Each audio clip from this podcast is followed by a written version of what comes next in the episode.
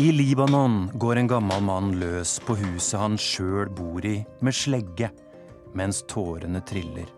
Hvorfor ødelegger han sitt eget hus? Den eneste butikken som selger alkohol, er åpen fra klokka åtte til ti om morgenen. Og fastboende de får ikke handle der. Russland flyter over av øl og vodka, men i Tsjetsjenia er det bortimot umulig å få seg en dram. Hvorfor har det blitt sånn? Og brexit, eller no deal brexit, eller no brexit at all? Hva skal folk rundt det som en gang var den største fiskehavna i verden, leve av etter at fisket forsvant?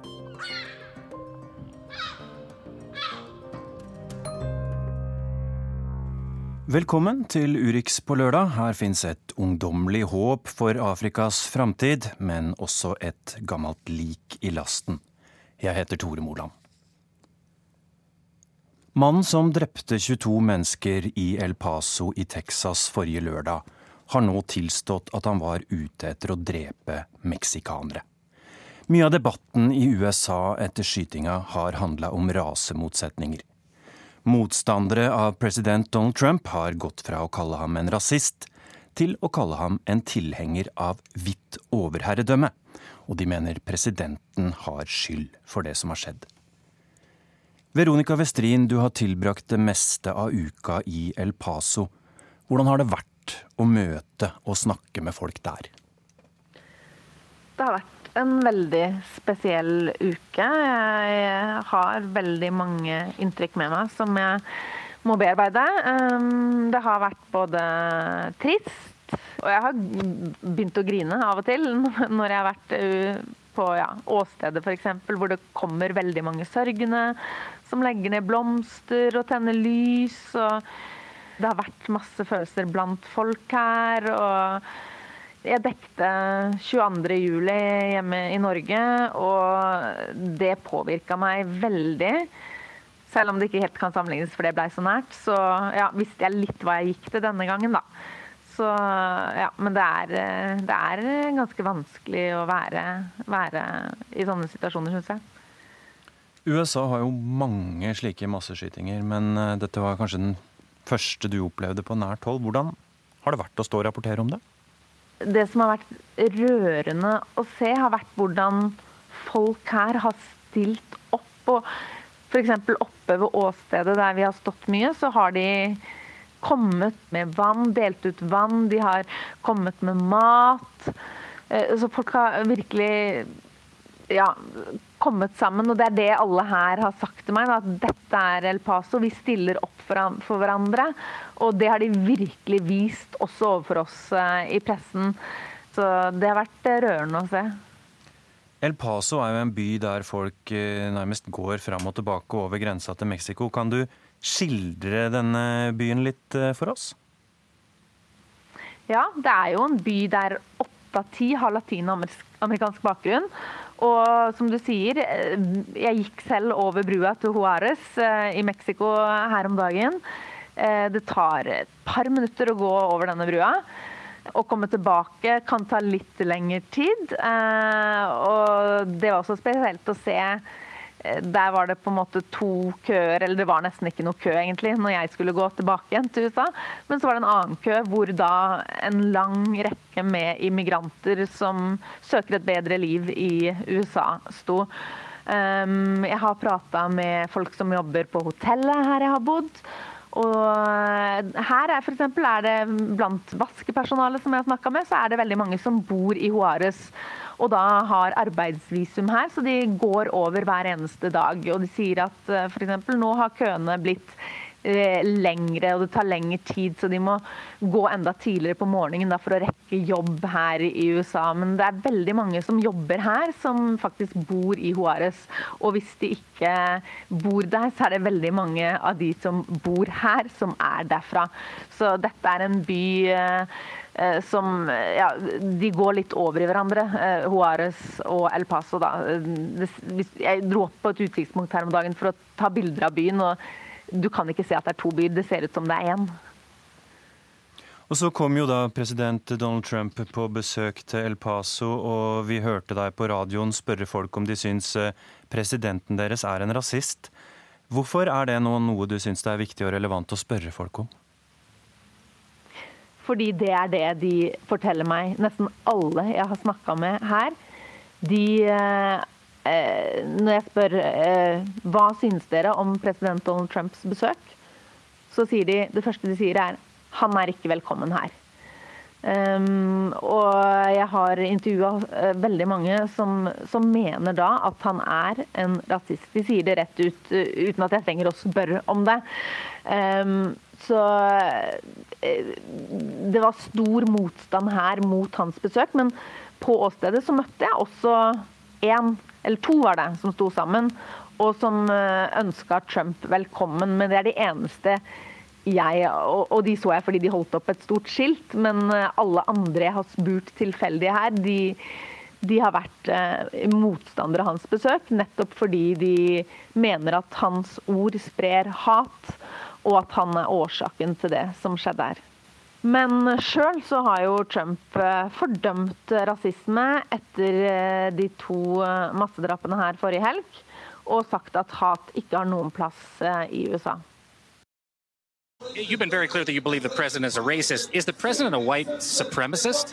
He is. He, he's also made that very clear. He's dehumanized or sought to de dehumanize those who do not look like or pray like the majority here in this country. He's ja, president Trump er tilhenger av hvitt overherredømme, sier Beto O'Rourke. Lørdag for en uke siden reiste presidentkandidaten øyeblikkelig tilbake til hjembyen El Paso da han fikk vite at en 21-åring hadde skutt mange mennesker på et kjøpesenter. There are very real consequences to his words. Og utenfor Walmart i byen ble han den første av Trumps utfordrere som rett ut kalte presidenten en tilhenger av hvitt overherredømme. He said, I wish we had uh, more immigrants from Nordic countries because Haiti bring AIDS, those from Africa come from shithole nations. Um, he's been very clear about who he prefers to be in this country and who he literally wants to keep out. He is a racist. He has made one racist remark after another. The president has got to stop that racism Etter først å ha nøyd seg med å kalle Trump rasist etter El Paso, har flere av O'Rourkes kolleger, som Bernie Sanders og Elizabeth Warren, også brukt beskrivelsen 'white supremacist' om Trump de siste dagene. I et land der mye handler om rase, begynner rasist å bli et nokså uthulet begrep. Så nå går altså presidentens motstandere et steg videre. En white supremacist er ifølge ordboka en person som mener den hvite rasen er overlegen, og at hvite bør ha kontroll over mennesker fra andre raser. Alex, uh, play the clip where he laughs when somebody says that Hispanics should be shot. It's an invasion. But how do you stop these people? You can't. Klippet fra et valgmøte for noen måneder siden der Trump spør hvordan en skal stanse immigranter fra å komme inn i landet, og en tilhører roper 'skyte dem', er blitt spilt om og om igjen etter massakren i El Paso, der gjerningsmannen har tilstått og bevisst å ha skutt på mennesker som så meksikanske ut. På valgmøtet i det nordlige Florida ler Trump bort oppfordringen med å si at slikt kommer en bare unna med i dette området i USA. It's actually not a real problem in America. The combined membership of every white supremacist organization in this country would be able to fit inside a college football stadium. Men på Fox News er det ikke dette klippet som står i fokus nå. I stedet mener programleder Tucker Carlson at Trumps motstandere sprer en ny konspirasjonsteori ved å kalle presidenten en tilhenger av hvitt overherredømme. White supremacy, that's the problem. This is a hoax. Just like the Russia hoax, it's a conspiracy theory used to divide the country and keep a hold on power. Mennesker som støtter noe slikt, er ikke særlig mange her i USA, sier Carlson. Og han fortsetter. I mean, seriously. This is a country where the average person is getting poorer, where the suicide rate is spiking. Dette er et land der gjennomsnittsamerikaneren blir fattigere, og der selvmordsraten går i taket. Carlson sier ikke noe om hvorvidt gjennomsnittsamerikaneren han snakker om, er hvit. Men flere av Trumps valgkamprådgivere sier til nyhetsnettstedet Axios at de mener demokratenes nye karakteristikk av Trump kan hjelpe ham til å bli gjenvalgt. Mange vanlige hvite amerikanere føler seg hengt ut og fremmedgjort av Better O'Rourke og de andre. The love, the respect for the was, I wish you could have been in there to see it. 43,3% av amerikanerne mener Trump gjør en god jobb. Det er bare 0,3% færre enn før massakren i El Paso. Beto O'Rourke på sin side sliter nesten like mye med sin presidentvalgkamp som før denne triste uka i USA.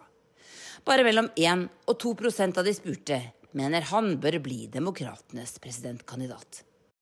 Vi hørte Tove Bjørgaas rapportere fra Washington DC, og før det Veronica Westerin fra El Paso i Texas.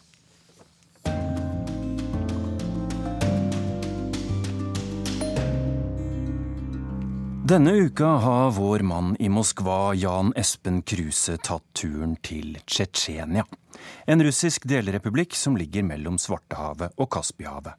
Og der har ikke han vært siden krig og uro herja midt på 1990-tallet. Nå er vår korrespondent overraska over hvor annerledes Tsjetsjenia har blitt fra resten av Russland, og hvilken framtredende plass islam har fått i samfunnet.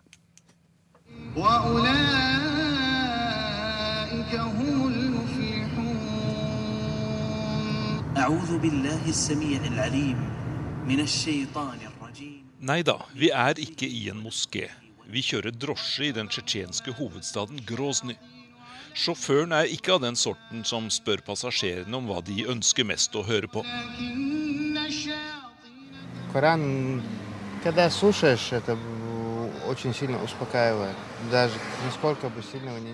Dette er en opplesning fra Koranen, opplyser drosjesjåføren. Han synes at det er svært avslappende å høre på opplesning fra Den hellige boken. Musikk har han ikke i bilen. Det liker han ikke i det hele tatt. Men hva så med kundene? Ну, кому-то нравится, кому-то нет.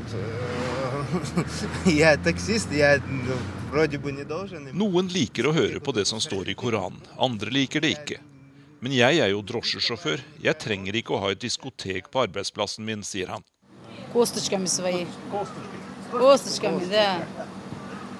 Арбуз без косточка же не бывает. På markedet i Grozny argumenterer en kvinne for vannmelonene hun selger. Det er ikke så veldig mange kunder denne dagen. Selgerne klager over hard konkurranse fra mange butikker i området. Noen av dem som handler på markedet, kommer bærende på brød, andre har kjøpt frukt og kjøtt. Нормальные цены, отличные. Какие там? Как и везде. Очень хорошо.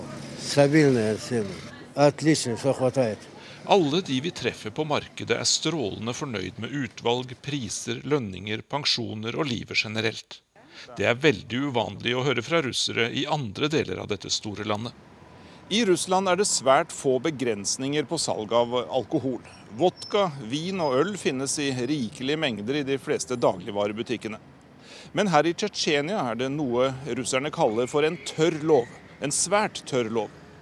Det finnes praktisk talt ikke alkohol å få kjøpt her. Den eneste butikken som selger alkohol, er åpen fra klokka åtte til ti om morgenen. Og fastboende de får ikke handle der, det er bare tilreisende. Det finnes ett hotell der det bor mange utlendinger. Der er det én restaurant med alkoholservering. Så på dette området skiller Tsjetsjenia seg veldig ut fra resten av Russland. Мы э, и в царские времена, и в советский э, период советской власти, и тем более теперь мы всегда... da Tsjetsjenia var under den russiske tsaren, da vi senere var en del av Sovjetunionen og helt fram til nå, har bruken av alkohol vært minimal, sier redaktør Ali Temirkanov i det statlige tsjetsjenske nyhetsbyrået Grosny Inform. Nylig ble Tsjetsjenia kåret til den regionen i Russland der det brukes minst alkoholholdige drikker. Det kommer av religionen og av tsjetsjenernes tradisjoner, mener redaktøren. Islam, среди народов, которые проживают на Северном Кавказе, ислам первым делом проник, проник еще где-то Islam kom først til den nåværende russiske regionen Dagestan i det åttende århundre, og senere til Tsjetsjenia, sier Temirkanov. Religionen er noe vi er stolte av, og det er vårt valg å ha et samfunn der islam har en framtredende plass. Men han understreker at Tsjetsjenia fullt og helt er en del av Russland, selv om delrepublikken har sine klare særtrekk. Sist jeg var i Grosny, var på midten av 1990-tallet. Da var Tsjetsjenia rammet av krig, og hovedstaden var bombet til ruiner.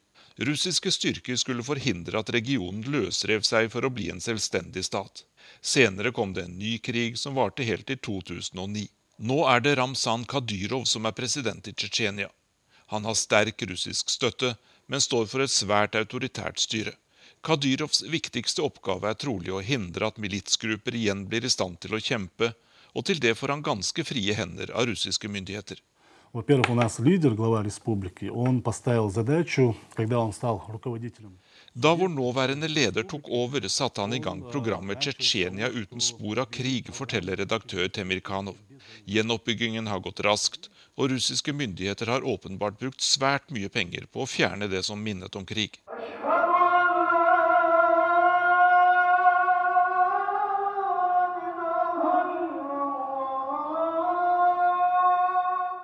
Det kalles til kveldsbønn i moskeen som bærer navnet Tsjetsjenias hjerte.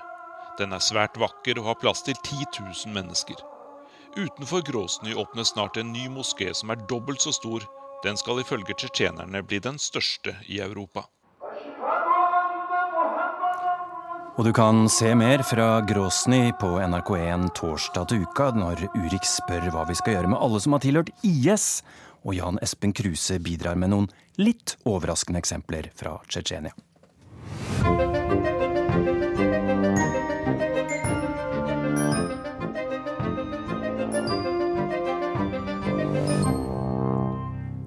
Åtte år har det gått siden de første flyktningene fra krigen i Syria kom til Libanon. Nå er hver fjerde innbygger i det lille landet en syrisk flyktning. Og Libanon er langsomt i ferd med å gå tomt for både tålmodighet og gjestfrihet, forteller Kristin Solberg.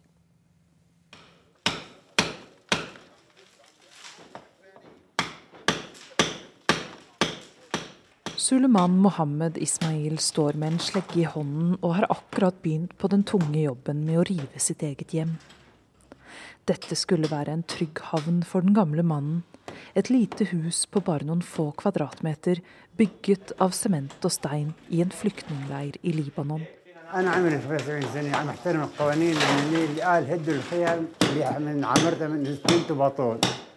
Jeg er 77 år gammel, sier han, og jeg respekterer den libanesiske loven som sier at hus som er laget av sement, må rives. Etter åtte år med krig i hjemlandet har bonden fra Homs forsøkt å skape seg et hjem på flukt. Det er ikke den alderdommen han ønsket, men den krigen ga ham. I den lille byen Arsal nær den syriske grensen har han i årevis bodd i en flyktningleir, omringet av fjellene som skiller Libanon fra Syria.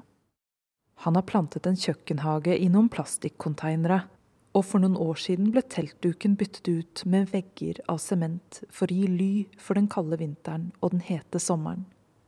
Men nå er det slutt på det. Her i Arsal sier myndighetene at slike hus i flyktningleirer må rives, av flyktningene selv. Permanente strukturer er ulovlige, sier de, men mange analytikere og flyktningene selv ser på det som et forsøk på å unngå at de blir værende i Libanon mye lenger.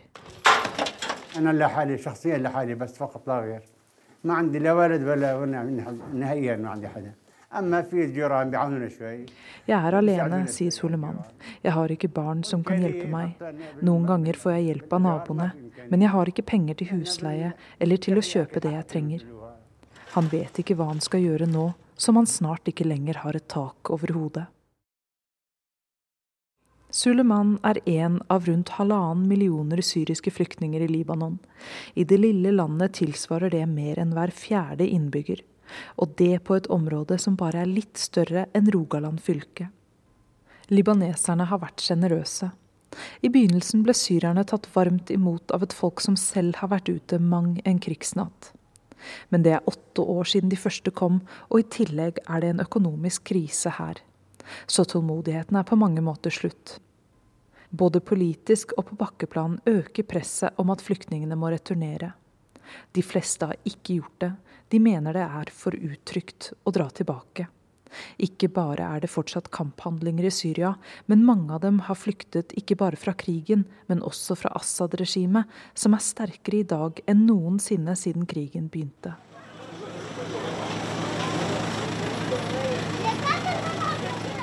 Men noen få, og stadig flere, drar tilbake. Syria og Libanon samarbeider om organiserte gruppereturer, med jevnlige busser fra Beirut til Damaskus. Denne morgenen lemper flyktninger alt de eier på bussene. Bager, klær, en vaskemaskin. Noen av dem vil dra tilbake. Andre drar fordi livet i Libanon er blitt for vanskelig.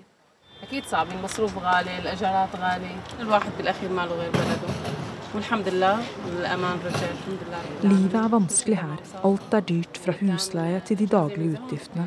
Hva kan vi egentlig gjøre, sier trebarnsmoren Nisrin Mohammed Noor Lufti, som er en av dem som drar denne morgenen, etter fem år i Libanon. Hun sier hun tror det er tryggere i Syria nå, og dessuten har ektemannen følt seg ensom i Libanon. Når bussene forlater Beirut, går flyktningene en uviss skjebne i møte. Det går bra for en del. Men menneskerettighetsorganisasjoner sier at noen av dem som har vendt hjem, er blitt tvangsrekruttert i hæren eller har forsvunnet.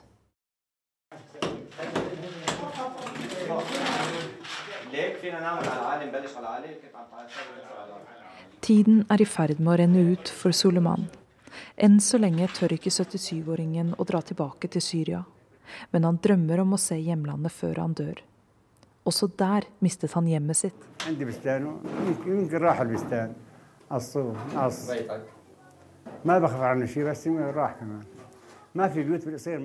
Det er ikke lenger noen hus der nå. Ingen vinduer, ingen dører, ingen elektrisitet. Kanskje er alt borte, sier han om hjemstedet. Tap av to hjem på kort tid, det blir for mye å bære. Og den gamle mannens øyne fylles av tårer før han fortsetter å rive huset sitt.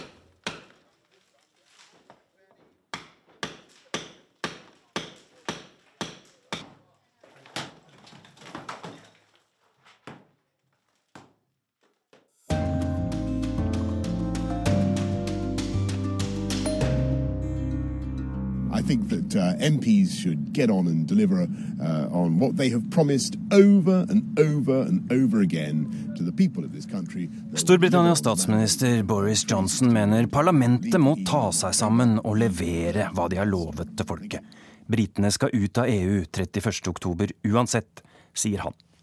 Samtidig forsøker statsministeren å blåse nytt håp inn i desillusjonerte engelske byer, som har lite å leve av, og som stemte for brexit. Gry, Blekastad Almås har besøkt en av dem, Grimsby nordøst i England. Vi er på auksjon. Klokka er halv sju om morgenen, og hallen er full av menn i hvite frakker med plasthetter på hodet. Slimete hoder og haler stikker ut av kassene som står stablet utover gulvet. Det er fisk som går under hammeren her. Chris Sparks er en av kjøperne som frykter konsekvensene av å gå ut av EU uten en avtale. Konsekvenser de allerede merker godt. It's already an effect. We haven't left yet. It's a massive effect. Well, you've seen the currency bounce. Oh, yeah. Of course, you know, straight away. You know, we're buying less for our money. So Pundet har svekket seg. Fisken er blitt dyrere, han får mindre for pengene enn før. Grimsby er Storbritannias sentrum for kjøp og salg av fisk. Men det er ikke lenger en by for optimisme og vekst. Den er sterkt preget av at selve fisket forsvant. I've been down here 44 years, and we used to have the biggest fishing fleet in the world in this port. Now we've got nothing left. Nothing. It's gone. Vi har ingenting igjen, alt er borte, sier den eldre mannen som i 44 år har jobbet i foredlingsindustrien. Han vil ikke si hva han heter, men mimrer tilbake til den gang Grimsby hadde den største fiskeflåten i hele verden. Could, in the winter, when the boats was tied up, you could walk across this dock on the boats from one side to the other. There was that many boats tied up in here. Wow. Now it, it, it's empty. So why did it change, you think, so much? I don't know. It's political, isn't it? Også han skylder på politikerne. I store deler av Nord-England og i Wales har folk følt seg oversett av eliten. De ønsker forandring, og mange stemte for brexit. Nå har de fått sin egen brexit-statsminister, som insisterer på at Storbritannia går ut av EU 31.10 med eller uten en skilsmisseavtale. I løpet av sine første dager som statsminister har Boris Johnson reist rundt i Storbritannia, bl.a. til Nord-England, og lovet å satse på nettopp byer som Grimsby. Too many places, towns and coastal communities uh, don't feel that they're benefiting the, from the growth and the dynamism that we've seen elsewhere in the UK economy. Mange steder, byer og kystsamfunn føler ikke de får noe igjen for veksten i økonomien, sa han, før han annonserte en storsatsing på nettopp disse stedene. And we're going uh, now to have a 3.6 billion pound towns fund et fond tilsvarende nesten 40 milliarder norske kroner skal brukes til å bedre kommunikasjon og samhold i 100 britiske småbyer som føler seg oversett. Our post-industrial towns have a proud, great heritage, but an even greater future. Their best years lie ahead of them. Ikke bare Nord-England, men også Skottland, Nord-Irland og Wales fikk besøk av den nye statsministeren i løpet av hans første dager i jobben. Overalt ble han møtt av folk som buet på ham.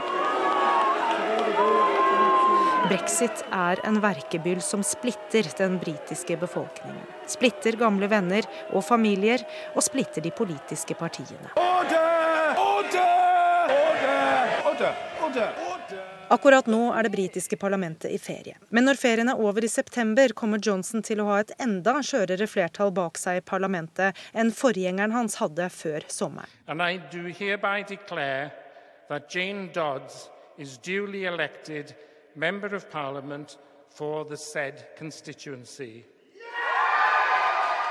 For da det konservative partiet tapte sin kandidat i et tilleggsvalg i en krets i Wales nylig, gikk flertallet ned til ett eneste mandat. Og motstanden i parlamentet er stor mot en såkalt no deal brexit, også fra den nyvalgte representanten Jane Dodds fra det liberaldemokratiske partiet. So my very first act as your MP when I arrive in Westminster will be to find Mr Boris Johnson wherever he's hiding and tell him loud and clear stop playing with the future of our communities and rule out a no deal Brexit now. På kaia i Grimsby fortsetter fortvilelsen og usikkerheten. How will Grimsby look in a few years' time? it's a ghost town now. It's a vapour. It's disappearing before your eyes. I'm glad I'm nearly ready for retiring.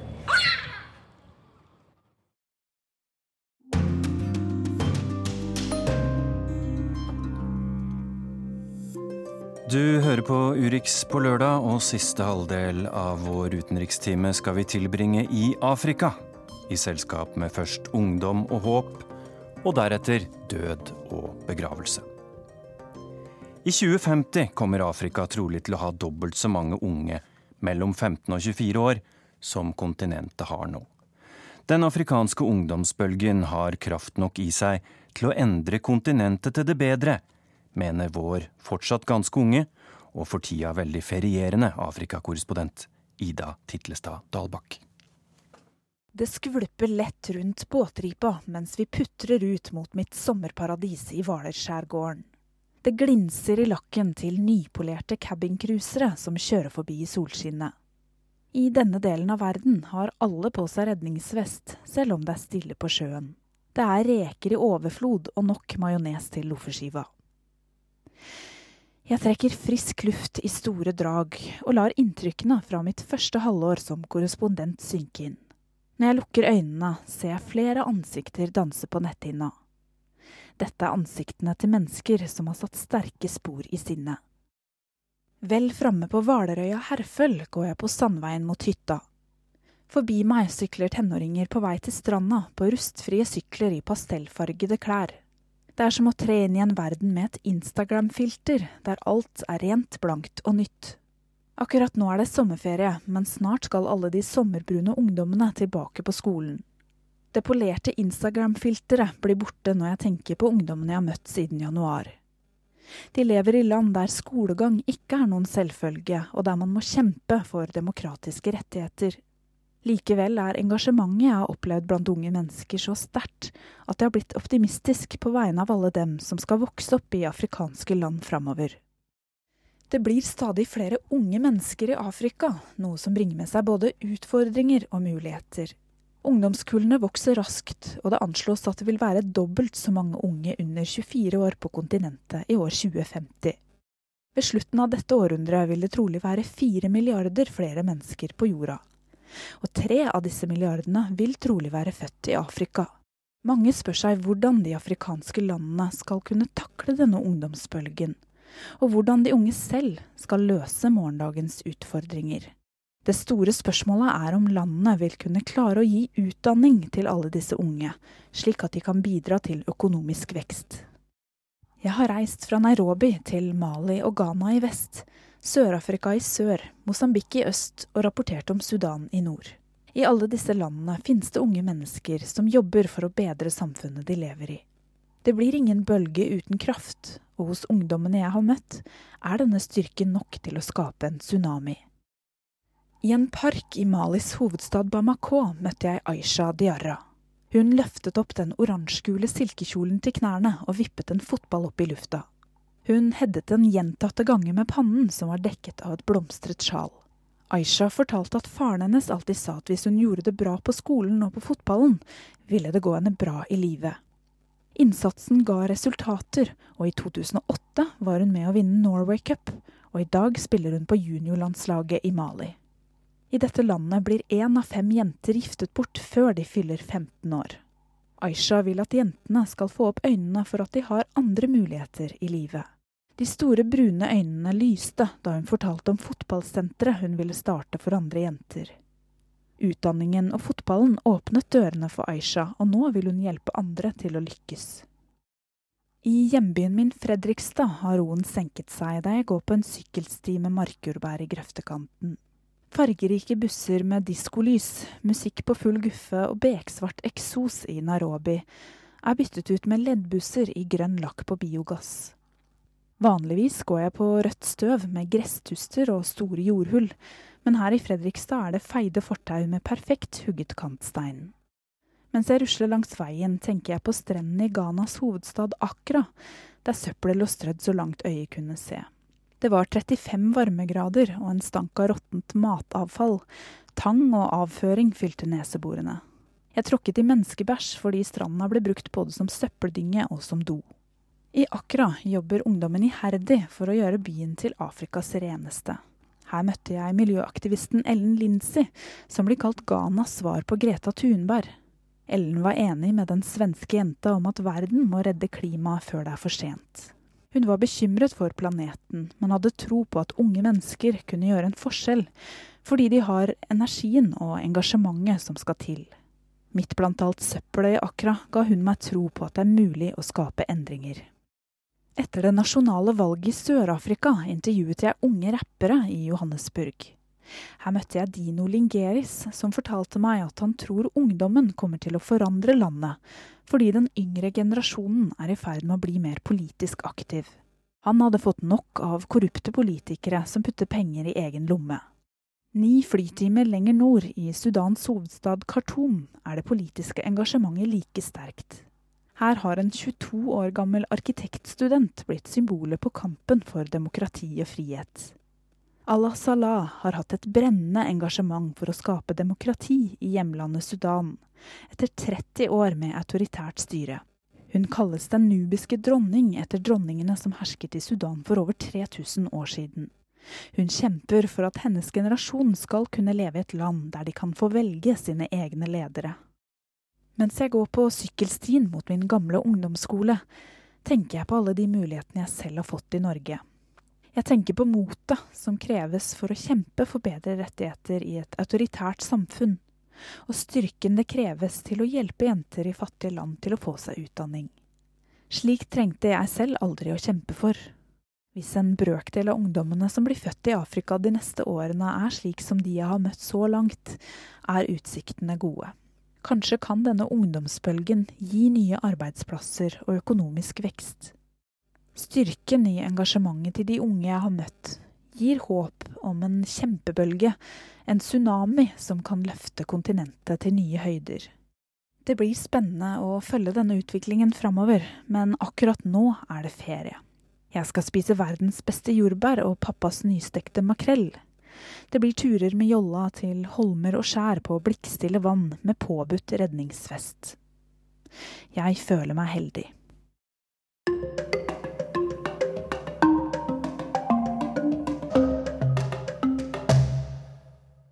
Vi kom visst i skade for å love død og begravelse også, men ikke bare det. Her må liket graves opp igjen og fraktes hjem etterpå. Vi skal mange år tilbake i tid, til 1983 og til krigen i Eritrea.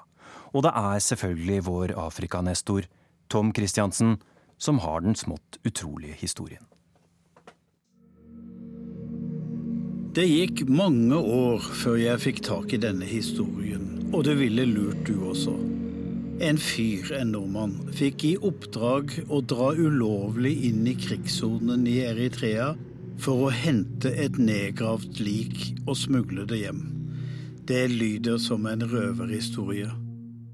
Men så traff jeg mannen som gjorde det. Toms afrikanske fortellinger.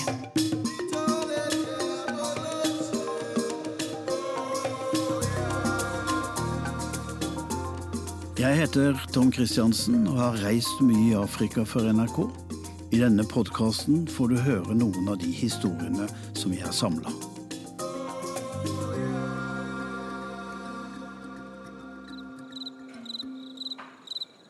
Vi satt under stjernene i Afrika en gang på 90-tallet. Det var der historien kom på bordet. Sirissene sang, og det var mildt i lufta. Arild Jacobsen fra Stavanger fortalte, og han brukte hele kvelden. Arild er en veteran i bistand, en kjenner av Eritrea, hvor han hadde jobbet blant folk flest. Han var feltarbeider i Kirkens Nødhjelp og på fornavn med frigjøringsledere og geriljasoldater. Han kunne kjøre rett ut i bushen og bli stansa ved en veisperring, og når de så det var Arild, så ble det bjørneklemmer og en fortrolig prat. Det var farlige tider i Eritrea kystlandet som ikke ville være en del av naboriket Etiopia. Stridende militser, regjeringsherrer og landeveisrøvere. Du dro ikke dit uten god grunn. Denne historien som Arild forteller, dreier seg egentlig om Gjøran Aspring. En engasjert svensk fotograf og frilansjournalist på 33 år. Han hadde lang erfaring i krigssoner og fattige strøk. Gøran ville inn i Eritrea for å følge EPLF-geriljaen, Eritrean People's Liberation Front. Den var den gang i 1983 størst og mest pålitelig. Gjøran hadde tenkt gjennom farene, men det var nå han måtte dra, og han snakket om det på svensk radio. Og geriljaen selv forbereder seg nå for en motoffensiv mot den etiopiske armén. Og det er vel nærmest den jeg vil forsøke bevake da. Gøran Aspring drar til Khartoum i Sudan, og så inn i Eritrea. I grensebyen Germaika treffer han sitt følge. De spiser et solid måltid. Det kan bli lenge til neste gang. Gjøran skal dra videre med en gruppe fra bevegelsen, men han blir advart av Petros Salomon fra EPLFs ledelse. Det er røvere langs veien. På den annen side. Det er kveld, det er mørkt, og da blir de usynlige. Her er ikke veier. Landskapet er karrig, men med busker og kratt. Samson ved rattet vet likevel hvor han skal. Han har vært soldat siden han var ni, og måtte ta en pause etter litt for mange granatskader. La meg presentere de andre i bilen. Gjøran sitter midt i framsetet, men bytter plass for han vil se stjernehimmelen. Den han sitter ved siden av, heter Feseha. I baksetet sitter et nygift par. De er på bryllupsreise. Det er Aseb og mannen hennes, Yemane. Samson skal passere et tørrlagt elveleie og senker farten. Da smeller det. Det gnistrer i rødt og grønt fra ei buske rett fram. Hopp ut, skriker Feseha til Gjøran, men får bare gurgling til svar. De haler ham ut, men Gjøran kan ikke gå. De andre søker ly i det steinete landskapet. De berges av en lastebil som har fulgt etter dem som beskyttelse, og angriperne rømmer. Ingen har siden visst hvem som skjøt. Arild satt i Khartoum og fikk de dårlige nyhetene. Han traff jo Gjøran før han dro inn. Burde han advart journalisten? Liket ble brakt tilbake til landsbyen. Der ble han stelt av en sykepleierstudent på 13 år. Hun skrev i protokollen at pasienten hadde et kulehull på venstre side av brystet, splintskade ved høyre tinning og skader på baksiden av venstre bein. Hun undret seg over at ingen slektninger kom for å hente liket. Det ble Petros Salomon fra geriljabevegelsens ledelse som måtte håndtere saken.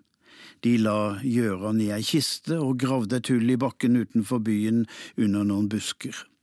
Noen soldater sto der da kisten ble senket, og de sa til hverandre at Gjøran, Juran, var den første utlending som døde for deres sak. Han var en helt og en martyr, mente de. Senere skal de støpe et monument med bilde av Gjøran.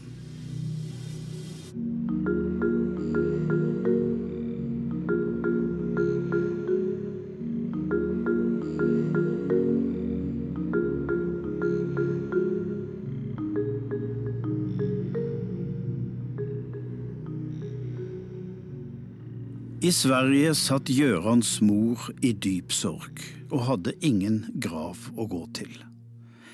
Kunne noen hente hennes sønn hjem? Hun spurte politiet, spurte presten, ordføreren, Utenriksdepartementet. Alle ristet på hodet. Dødsattesten var jo skrevet av en tenåring, og fantes det overhodet noe bevis for at han var begravd, og hvordan kunne man hente ei kiste i en krigssone for så å få den over grensa til nabolandet Sudan og videre hjem? Glem det. Men svensk UD kontaktet for sikkerhets skyld geriljabevegelsen. Men de kunne ikke hente ut noe lik, de hadde annet å gjøre og svenske diplomater mente det lå langt utenfor deres oppdrag her i verden, men fantes det noen andre? Det var derfor en svensk tjenestemann, utsendt fra Kairo til Khartoum, banket på Arild Jacobsens dør. Kunne han? Arild tenkte seg nøye om. Det var et farlig prosjekt, et nesten umulig oppdrag, men likevel. Ville geriljaen godta at han reiste inn? Kunne liket kremeres, hva ville familien si til det? Skulle han smugle Gjøran ut, skulle han få diplomatisk status, og bare for å gjøre det helt klart, han kunne ikke garantere noe som helst. Men noen dager seinere var diplomaten tilbake. Familien i Sverige godtok kremering, og her har du hva du trenger, et bevis på at du er diplomatisk kurer. Det kan man vel kalle et understatement for en mann med et lik i lasten. Arild var sønn av en blikkenslager. Han hadde vært nok i farens verksted for å vite hvordan man forsegler for eksempel en urne, men kremering, hvordan gjør man det? Arild oppsøkte en indisk dame i Khartoum og spurte nærmest tilfeldig. Hvor lenge tar det å brenne et lik? Jo, det tar tid, minst tre dager, og du trenger ved til kraftig varme. Men hvordan ser man hva som er aske fra kista og hva som er aske fra liket? Ja, det er enkelt. Likets aske blir hvit, aska fra kista blir mørkere, og urnen, hvor stor må den være? Ja, den må romme et par liter. Så pakket Arild en sekk og dro. Han hadde gitt beskjed til geriljabevegelsen EPLF om at de måtte skaffe ved og mannskaper og en urne som rommer to liter til Gjørans brente levninger.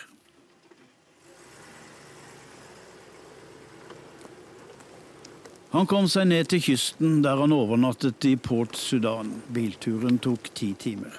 Neste dag dro han inn i Eritrea og tok seg fram til Nakwa. Det tok åtte timer. Der lå hovedkvarteret til EPLF, og han håpet de hadde skaffet en urne og kunne låne ham en hammer.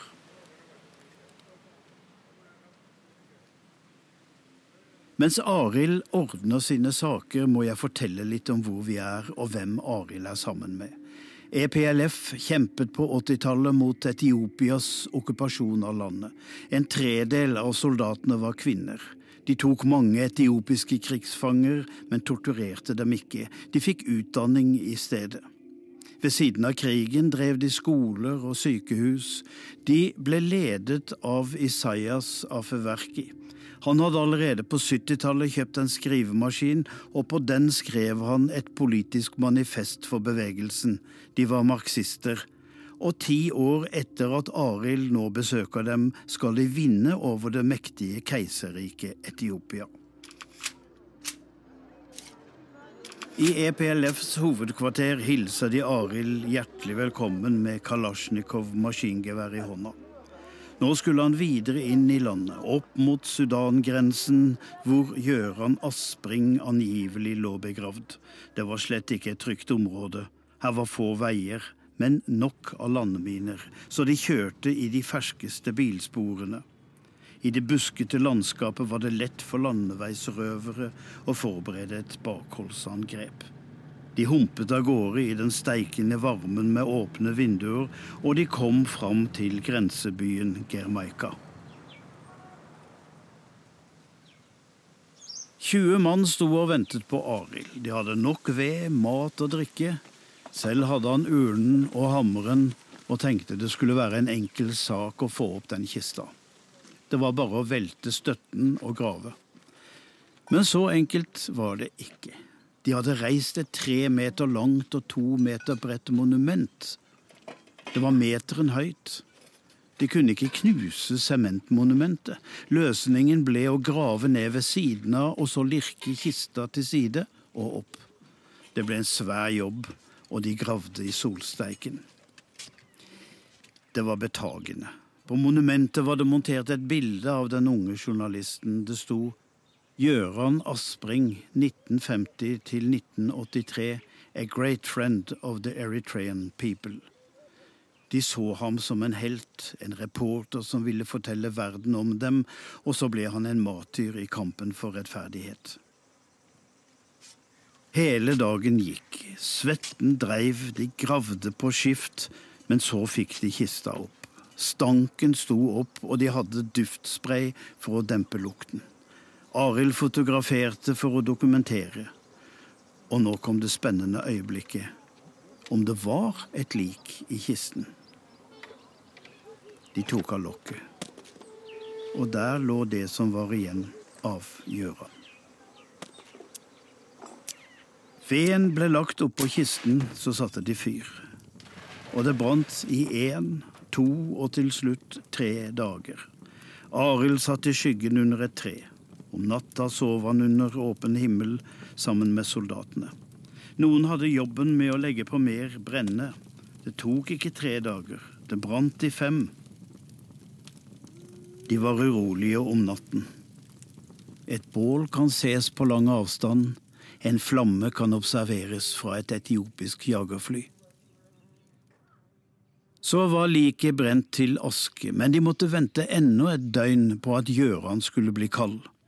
De fordelte asken, mørk aske ned i graven igjen, den hvite oppi boksen. Men her var noen bein igjen, hva skulle de gjøre med dem? En av soldatene, Haile Ras, som hadde kjent Gjøran, hentet hammeren og banket knoklene til støv. Det var da det minste jeg kunne gjøre for min venn, mumlet han. Arild tok hammeren og forseglet ulen. Fighterne hadde gjort sin jobb, men nå gikk kommandanten bort til Arild for å ta opp et delikat spørsmål. Han ville ikke være respektløs, men likevel Mr. Arild, vi har en tradisjon her i Eritrea at vi tar en skål for den døde. Er det mulig at vi kunne gjøre noe sånn for Gøran? Det skulle ikke stå på Arild, så de hentet opp noen små glass og en flaske Asmara Sibib fra det lokale bryggeri. Skål. Arild Jacobsen var ingen bedehusmann og lite bevandret i tro og teologi. Men der de sto rundt den forseglede urnen, ba stunden om et gudsord. Arild hadde forberedt seg. Han tok opp Bibelen fra ryggsekken og slo opp i Johannesevangeliet. I begynnelsen var Ordet, leste han. Lyset skinner i mørket, og mørket har ikke overvunnet det. Det ble ingen salme, men noen minneord før predikanten la urnen og Den hellige skrift i ryggsekken. Beveget sa han farvel til soldatene, og så begynte den farligste delen av reisen, mot grensen, med asken av Gjøran Aspring i sekken. Ville det gå bra?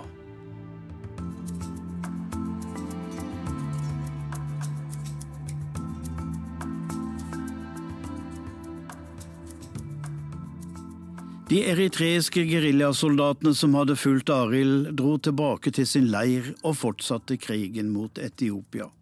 De holdt på til 1993. Da vant de, slitne og fattige, over Etiopias mektige hær. Så skulle dette landet med seks millioner innbyggere bli egen stat. Isaias Afeverki, frigjøringslederen, ble landets første statsoverhode. Hva trenger et nytt land? Det trenger et flyselskap, som raskt ble etablert med tre maskiner. Flyvere og flyvertinner hentet de fra Ethiopian Airways, Afrikas ledende flyselskap. De måtte ha en kringkastingsstasjon, men de hadde knapt penger til driften, så de skaffet for eksempel amerikanske underholdningsprogrammer som eritreiske flyktninger hadde tatt opp på VHS-kassetter. Derfor sendte eritreisk fjernsyn Dynastiet med svenske tekster. Det ble våpenhvile, men ikke fred. Grensen ble stengt, telefonforbindelsen kuttet, de var fortsatt fiender om de ikke lenger kriget.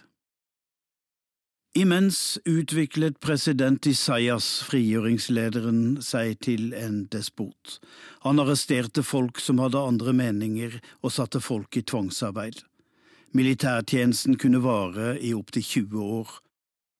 Derfor rømte en halv million tenåringer og andre utsatte. De endte som flyktninger i Europa eller lik i Middelhavet. Jeg holder nesten på å glemme Arild. Tilbake i 1983 var han nå på vei ut av landet med en urne i ryggsekken, og passerer grensa ved Kassala i Sudan i nattemørket. Neste dag tar han bussen til Khartoum, men han frykter veisperringene. Der kan de godt komme til å undersøke bagasjen. Derfor stuer han ryggsekken under sekker og hønsebur på busstaket. Neste prøvelse noen uker seinere er når Arild skal bringe Gjørans aske hjem. Den som har sjekket inn på den kaotiske flyplassen i Khartoum, vet hva jeg snakker om. Men Gjørans urne ligger nå i en forseglet diplomatisk sekk, og Arild har brevet som viser at her kommer en norsk kurer med diplomatisk post. Det går som smurt. Arild sitter i flysetet med Gjøran ved siden av. Sekken blir avlevert ved Utrikesdepartementet i Stockholm. Han vedlegger samtidig bildene han har tatt av kista og gravstedet, forbrenningen og mannskapet. Og der slutter Arild Jacobsens fortelling. Det er blitt seint. Han setter fra seg kaffekoppen og trekker pusten. Men Arild, hva sa mora til Gjøran? Nei, jeg veit ikke, jeg traff ikke henne, jeg bare leverte aska på et kontor. Ja, men du fortjente vel en takk? Nja, jeg var nå bare kurer. Men historien er ikke helt slutt. De overlevende i bilen til Gjøran gikk videre. Jemane i baksetet, som var nygift og på bryllupsreise, han ble rådgiver for presidenten, mens kona Aseb ble generaldirektør i Nasjonalbiblioteket og Arkivet. Feser Ha, som Gjøran byttet plass med i forsetet, og som dermed ikke ble skutt, han ble ambassadør i Egypt siden departementsråd i Utenriksdepartementet. Han ble far like etter bilturen og ga barnet et rart navn Y-O-R-A-N, Joran. Det er siden blitt et vanlig navn i Eritrea. I 1984 ble det holdt en minnestund i Akalla-kirken i Stockholm.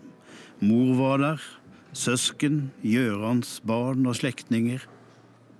Her var eritreere som kjente Gjøran, og de hadde med bilder og dokumenter. Det var mange teorier om hvem som hadde drept mannen i urnen. Men Gjørans levninger ble satt ned i svensk jord. En stein ble reist til minne om mannen som Arild Jacobsen fraktet hjem. Hvil i fred, sa presten.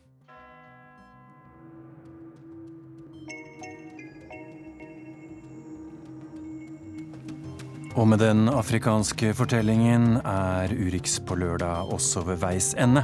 Teknisk ansvarlig for sendinga var Finn Lie. Produsent Elise Kvien. Og jeg heter Tore Moland.